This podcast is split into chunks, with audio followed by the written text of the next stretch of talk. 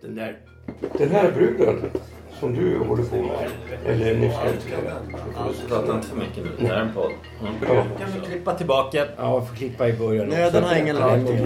Avbryt det. Stötta gärna oss på Swish. Nummer 123 535 4857. Ni kan också följa oss på Instagram och Facebook under Cyril och Stig. Ja, idag sitter vi hemma hos Stig här på Lilla Essingen och dagens gäster är vi själva.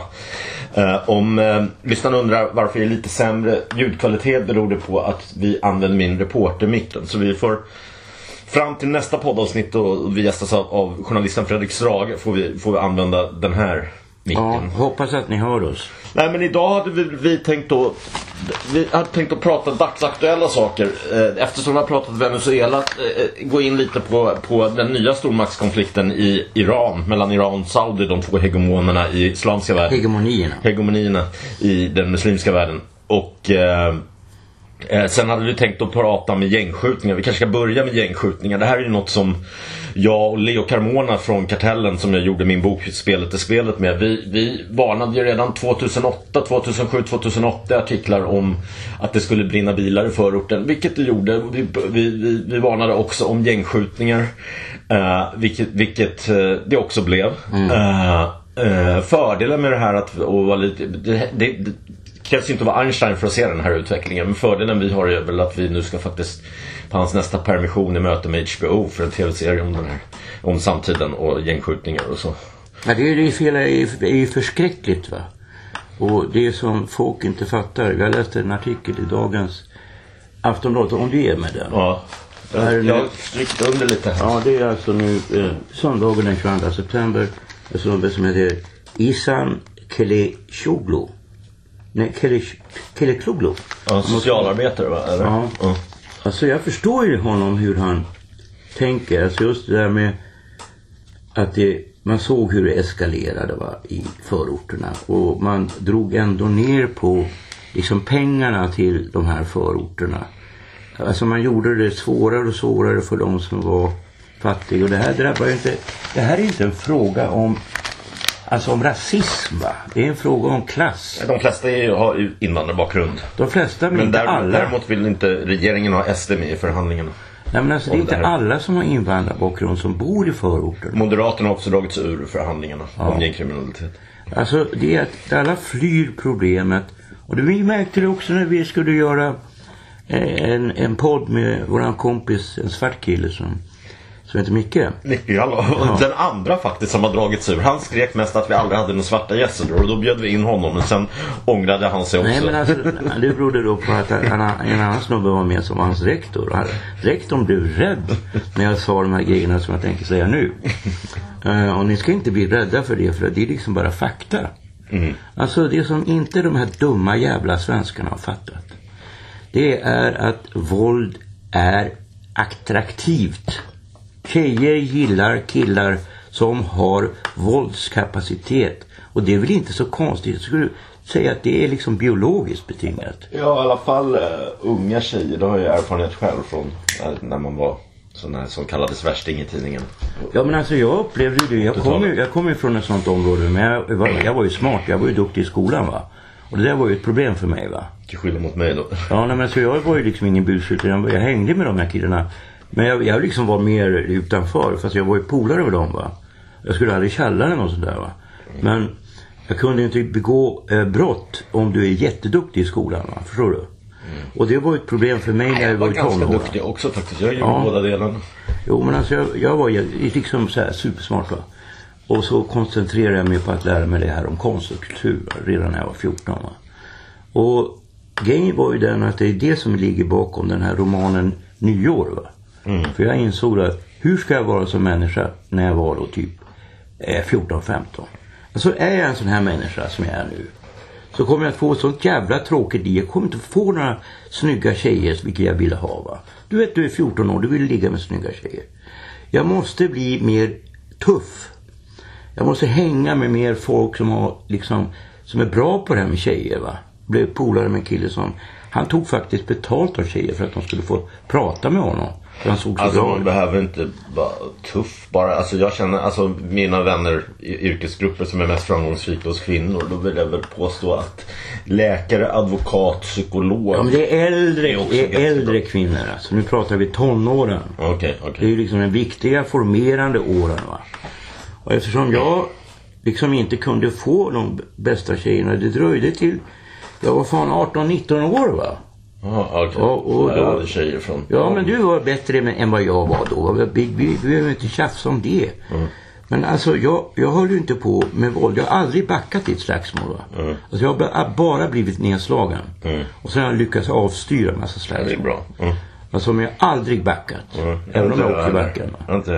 Eh, så jag har ju liksom rent, och det är inte för att jag är liksom modig utan jag har en, jag får en adrenalinkick av eh, eh, action. Va?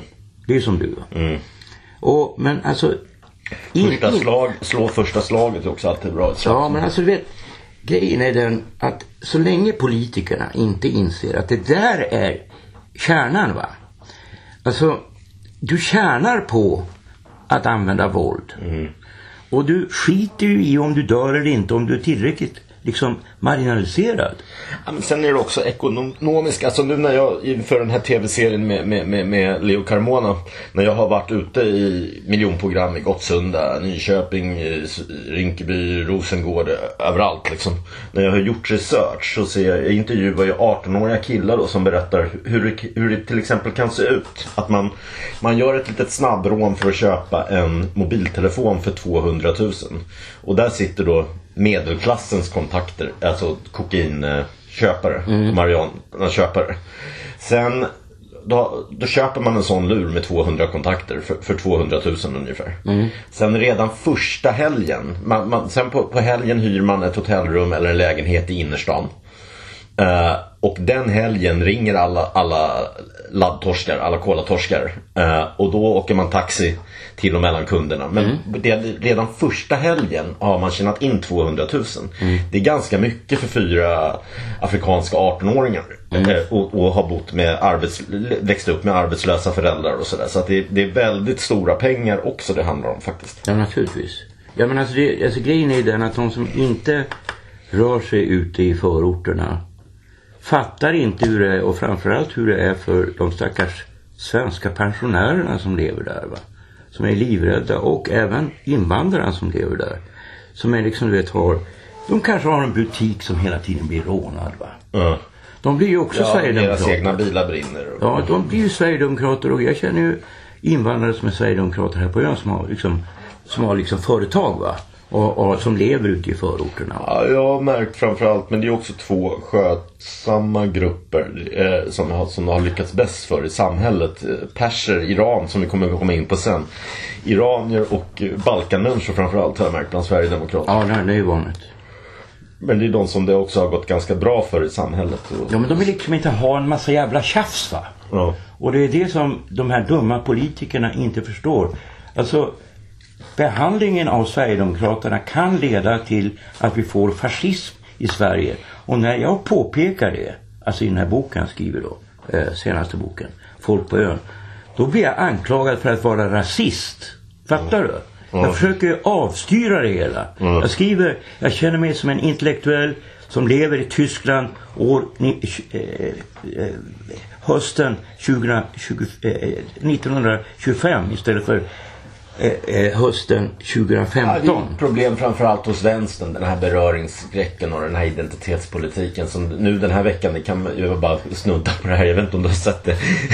Justin Trudeau, Fr- Frank, eh, Kanadas pre- premiärminister, son till den förra som jag tror hette Pierre Trudeau. Va? Ja, just det. Eh, han, har för, han, han har för 20 år sedan målat ett brownface. Han har varit klädd till arab på, på, en, på ett maskeradtema, äh, Tusen och natt.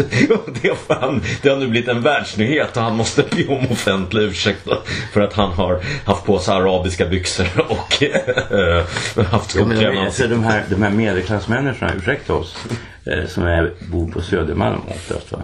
De är helt enkelt rakt av inte kloka. Jag var, jag var faktiskt lite, man ska inte vara skadeglad, det är ju verkligen fult. Men eh, jag upptäckte att afghanerna höll till där borta vid eh, vad heter Björns trädgård va? Mm. Och började göra eh, inbrott, alltså länsade hela jävla hus där va. Så tyckte jag är rätt åt dem de jävlarna alltså. Mm. Ja. Ja, okej. Ska vi fortsätta med gängskjutningarna? Har vi med? Alltså det, alltså det som vänstern ändå har, det som jag ändå tycker är bra med vänstern kring, kring det här med gängskjutningar, där man behöver den rösten, det är att det här är ett stort strukturellt problem Ja. också med, med arbetslöshet, utförsäljning av lägenheter, försämrad skola. Alltså, och, och polisen, poliserna i de här områdena säger själva det, ni kan inte lägga allt ansvar på oss. Eh, skola, social, sociala myndigheter, alla måste samverka på något Ja visst och det är så Och, och problemet det här är. med arbe- det är också att vi lever i ett vi och dom-samhälle. Det är först nu, det, det som jag tycker är väldigt beklämmande det är att Alltså för fem år sedan till exempel när du hade den här Gårdstensskjutningarna till exempel. Att man gick in och bara sköt ner oskyldiga människor i Gårdsten. Och också kriget som det föranledde att någon, en, en eh, familj fick en handgranat där en fyraårig flicka dog. Det borde varit en ögonöppnare om något. Men det är först nu den senaste veckan när det har varit skjutningar i dels ett överklassområde i Malmö. Dels i Nacka som är då Wallenbergs område man kan säga i Stockholm. Eh, och sen i centrala innerstan i Stockholm. Det är först nu man börjar diskutera det här på regeringsnivå. Ja, det är när folk blir drabbade va. Ja. Det är då folk börjar tänka. Men det här sa ju jag Leo också för flera år sedan. Ja men de, det, tar ju, det, tar ju, det, det tar ju tid och så det, det är först när det händer va. Ja. Nej, vi sa att det kommer bli. Leo skrev jag kommer inte ihåg om det var jag eller Leo som skrev men vi, vi, vi, vi, vi samtalade ihop den artikeln i vilket fall som helst att det kommer leda till gated communities. Ja. Och nu snackar ju folk här liksom om det va. Förstår du? Mm. Ska vi Ja. gå till Iran? Ja, jag kan bara säga att det är be- beklämmande att, att det blir att, att, att, att det är först nu. Det, det får ju de här människorna i förorten att inte känna sig del av samhället. Att först nu bryr man sig också. Att det har varit innan som att folk inte bryr sig. Ja men alltså jag, samma, jag, jag gjorde ju då, arbetade då med ett gäng invandrarkids alltså i, i mitten av 90-talet va. Mm. Och jag var ju så upprörd när jag, jag blev kompis, jag hängde ju med de här killarna va. Mm. Eh, sommaren 94 framförallt. Och, och de var ju väldigt intelligenta fast de var ju extremt obildade va. Mm. Så jag tipsade ju dem då om litteratur och så här och då eh, de gillar ju då Duras till exempel. Det sa vi förra podden. Det Du sa jag och. Strindberg. Ja. Nej men alltså grejen var den att när jag berättade det här då för mina kompisar som Alltså gänget kring Arne Anka va. Alltså era ungar är privilegierade och de får inte samma konkurrens av de här invandrarkidsen va. Mm. För att de får så dåliga studiemöjligheter. Ja. Så, eh, och det gör då att, alltså nu pratar jag inte om invandrare i allmänhet va. Det finns ju medelklassinvandrare som har det alldeles utmärkt va. Ja, man ska säga, det, det kan väl också göra reklam för att i nya numret av King Magazine ute gör jag ett 40 000 tecken porträtt på Per Hagman som man också kan lyssna på i vår podd. Och man kan också se honom på Södra Teatern med Fredrik Strage som var i nästa podd i några samtal. Men i alla fall Per eh, säger det som han säger att med, när, när han diskuterar mitt, mitt jobb då med, med, med det här med invandrarungdomar att de flesta gör ju inte brott. Vad, vad är det som får någon, och, en tonåring att gå över den här gränsen? Liksom. Eh, men men okej, okej. Ska vi gå över på Iran? Ja. Ja, Iran då ett land med 82 miljoner invandrare, eller vad säger? Invånare. Invånare. Eh, när jag läste demografi en gång, på, på univers- en gång i tiden på universitetet så, så fick man lära sig att de, de, de är ett av de mest de, de, de länderna som ökar mest i befolkningen. Liksom var 20 år eller något tror jag fördubblas befolkningen. De har 82 miljoner då, ett av världens största länder också å andra sidan. I, ihop, eh, I likhet med sin antagonist Saudiarabien då som är, och, och Iran kan man säga är Shia, framförallt Shia muslims dominerat och Saudi är sunni. Den stora gruppen inom islam, 85% tror jag är, är sunni. Eh, Men nu har det varit drönare som har bombat oljefält i Saudi. Eh, Sa, eh, först trodde man att det var de här Houthi-rebellerna. jemenitiska gerillagrupperna i Jemen. Ja. Men sen såg man ändå att har man sett att de här drönarna kommer från norröver så då misstänker man då deras stora antagonist då Iran. Eh, Problemet är väl att, eh, och Iran har väl alltid, har alltid varit i USAs ögon en skurkmakt men å andra sidan har, kan man förstå Irans eh, aversioner mot USA. Redan 53 så var det ju en statskupp mot den här Mossadegh som, Mossadegh, ja. ja, som hade nationaliserat oljan. Så var det CIA och Storbritannien. Framförallt Storbritannien. Ja, det British Petroleum. Ja precis för att Sto- Storbritannien hade ju, det var en koloni en gång till, till Storbritannien. Eh, och eh, man, man förde in shahen som var en uh, politruk kan man väl säga som Mm. i och för sig fick ekonomin att blomstra tror jag. Men eh, han, han, levde kom, eh, han levde väl ett väldigt utsvävande playboyliv och, Ja, väldigt. och korrupt och, och vilket föranledde då till den eh, muslimska revolutionen eller vad man ska kalla det. Alltså att man fick ett system med sharia-lagar 79 med ayatollah Khomeini. Och där Man- var, där var det från början, jag, jag tillhörde ju vänstern då. Det gör jag ju än fortfarande Mm. på något sätt. Men alltså då så trodde vi ju i vänstern att det här är början till en revolution. Va? För det Ja. var ju liksom, det var ju oljearbetarna som la ner arbetet först. Va? Ja.